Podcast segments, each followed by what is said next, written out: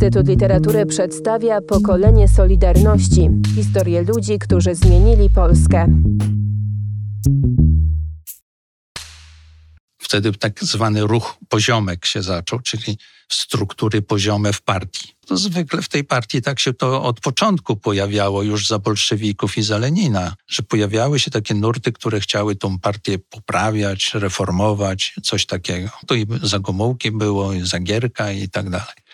No i wtedy te ruchy poziome pojawiły się i zaczęli się wybierać na nowo, czyli weszli zupełnie nowi ludzie to ludzie, którzy po prostu ten cały pseudosocjalizm sowiecki chcieli po prostu wykopać. No. Kiedyś opowiadałem o tych czasach z sympatycznym doktorkom i profesorkom z Krakowa, które właśnie zajmowały się historią dziennikarstwa. I one tak były zdziwione, że oto dziennikarze organu partyjnego, często członkowie partii, robili tak naprawdę rewolucję były dwie gazety rewolucyjne, Gazeta Krakowska i Gazeta Współczesna w Białymstoku.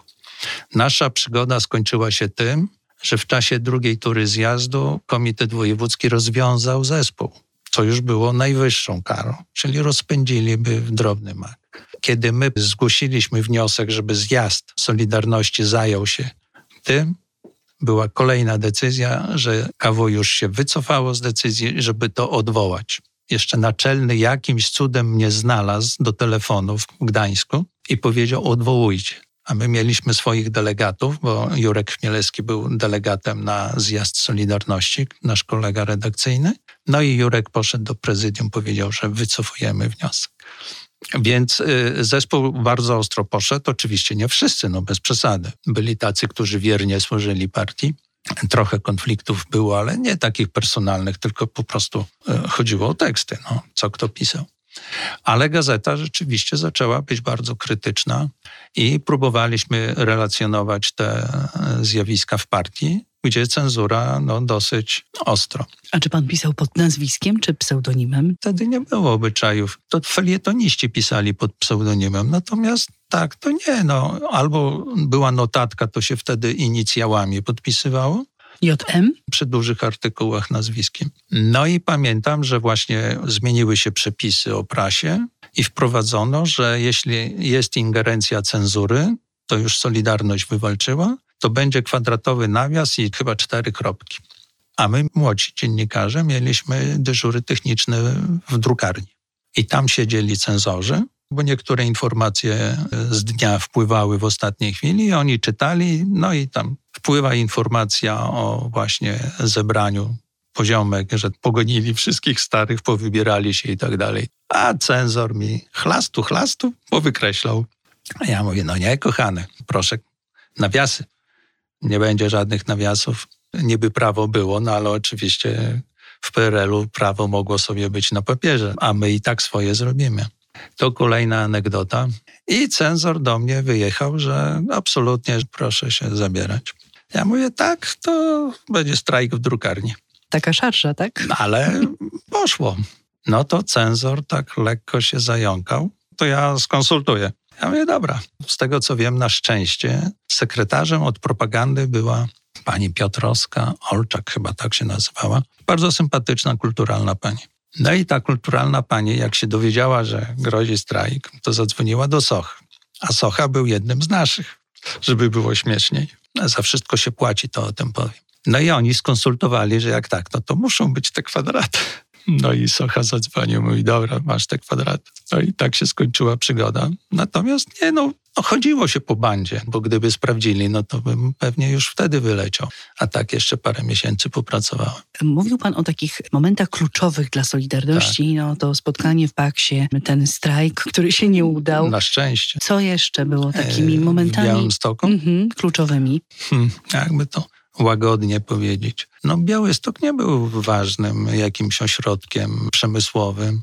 Fasty swoje przeżyły w latach 70., gdzie te kobiety zapłaciły często straszną cenę. Wyrzucano nawet kobiety w ciąży z pracy. 76, jak te warchoły Ursusie były. No zresztą trudno wymagać, żeby to one organizowały jakieś związki zawodowe. Ten Białystok to poza jakąś takim zrywem, gdzie koniecznie chcieli zaistnieć na mapie, że oni też strajkują, to tak prawdę mówiąc się niewiele działo.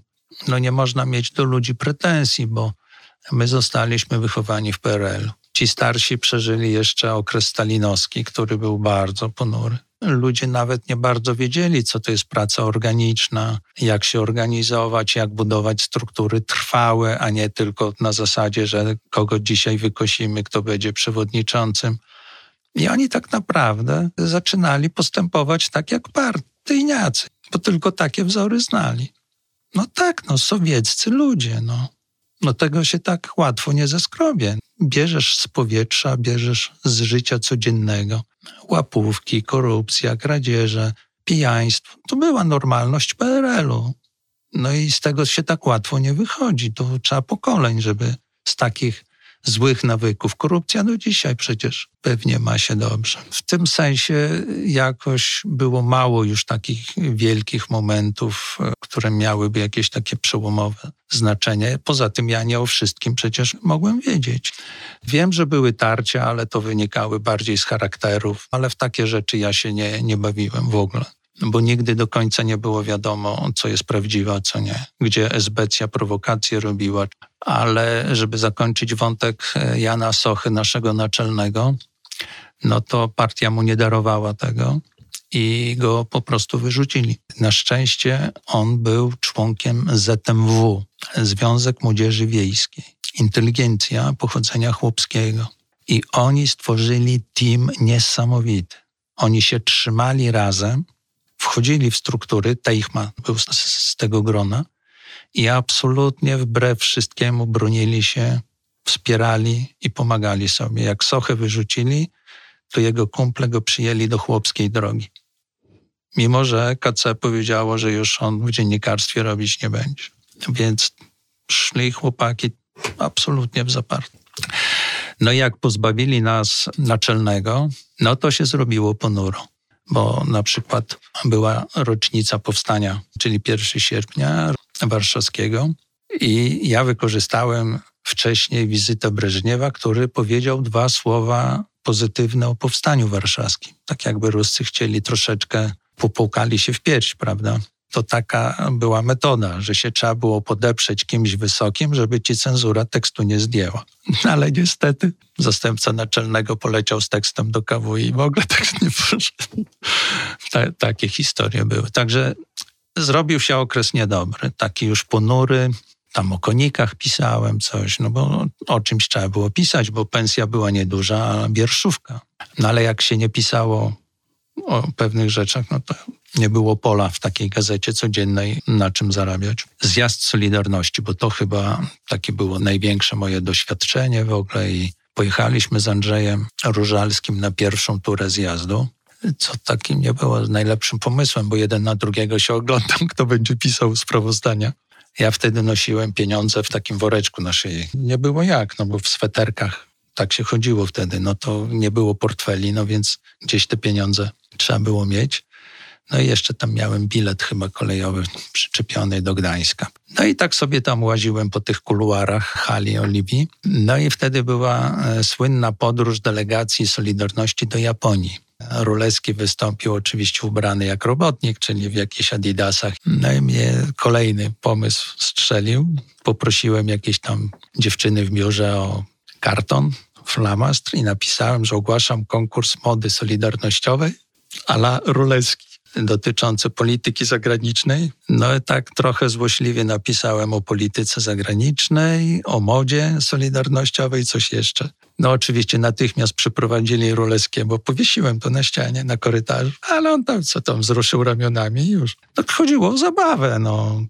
Przecież my byliśmy wtedy rozrywkowi ludzie. To wtedy właśnie między innymi na zjeździe Solidarności przyszła ta uchwała o rozwiązaniu gazety, gdzie potem trzeba było to szybko odwoływać. To był taki czas, gdzie władza w zasadzie mogła w sposób bardzo prosty manipulować nastrojami. Na przykład e, chcieli sprowokować, to ogłosili w trakcie zjazdu, ogłosili podwyżkę cen papierosów. I natychmiast zjazd rzucił wszystko i zaczęli obradować, czy będzie strajk, czy nie. Bo nie wiem, czy w ogóle młodzi ludzie wiedzą, co to są postulaty gdańskie. 21 postulatów. Wszystkie postulaty socjalne. Jeden tylko polityczny, wolne związki zawodowe. Oczywiście, że to był manewr osłaniający, to znaczy narobić dużo żądań, żeby te jedno istotne żądanie jakoś uratować. Bo gdyby tylko jedno żądanie poszło, no to byłoby jednoznaczny ruch polityczny i koniec. Natomiast kiedy to robiono, że tu tak naprawdę chodzi o podwyżkę cen mięsa, bo wszystkie strajki w Polsce wybuchały w PRL-u po podwyżce cen mięsa. Bo to dla ludzi, którzy żyli biednie, było po prostu podstawą egzystencji. No. Natomiast sprawy polityczne zawsze były gdzieś w tle, gdzieś, gdzieś dalej. No ale tak człowiek żyje. No. To, to trudno wymagać od ludzi, że będą żyli ideami, kiedy trzeba dzieci nakarmić. No to pamiętam, jak właśnie zjazd, no to niesamowite było. Rzucili wszystko i zaczęli o cenach papierosów gadać, bo wszyscy palili wtedy. No to przecież to koszmar był. No. Kolejna anegdota, no to właśnie każde posiedzenie zjazdu zaczynało się mszą świętą. I to w pełnym rycie, więc e, nawet kiedyś komunikantów zabrakło. Więc zjazd siedział godzinę i czekał, aż dowiozą komunikanty. No to takie były czasy. Ile pan tam czasu był? No byłem na pierwszej turze, to ona tam kilka dni trwała, a potem pojechaliśmy na, na drugą turę. Ja na drugą turę jechałem już autokarem z delegacją Solidarności. No, wszystkich znałem. Byliśmy zaprzyjaźnieni z Krzyśkiem Burkiem. Kuba Sławiński założył biuletyn Solidarności w Białymstoku, a potem po nim był naczelnym Krzysiek Burek, tego biuletynu Solidarności. Także Kuba był człowiekiem, mogę wtrącić, bo to z dużą krzywdą, że się o nim nie pamięta. Na przykład, Kuba był bardziej szalony ode mnie. Kuba był człowiekiem, który wymyślił, że trzeba zwołać nadzwyczajny zjazd SDP na początku, jak ta Solidarność się zaczęła, to wtedy ten...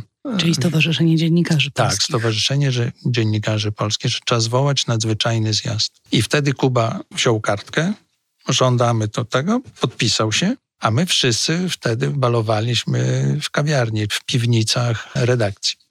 No ja mówię, chłopaki trzeba podpisywać. No to ja podpisałem, no i zaczęli chłopaki się podpisywać. No i wtedy u nas bardzo silna ekipa się zebrała, która kilka takich bardzo przemyślanych rzeczy napisała jako programowych, statutowych i takich innych. Chłopaki bardzo solidnie się do tego przyłożyli. No i oni zostali jakby wybrani jako delegaci. W Warszawie na tym nadzwyczajnym zrobili, byli chyba jako jedyni tak przygotowani do, do zjazdu, że praktycznie wszyscy weszli do władz stowarzyszenia. Tak to wyglądało. Pokolenie Solidarności. Cykl podcastów przygotowanych przez Instytut Literatury w Krakowie.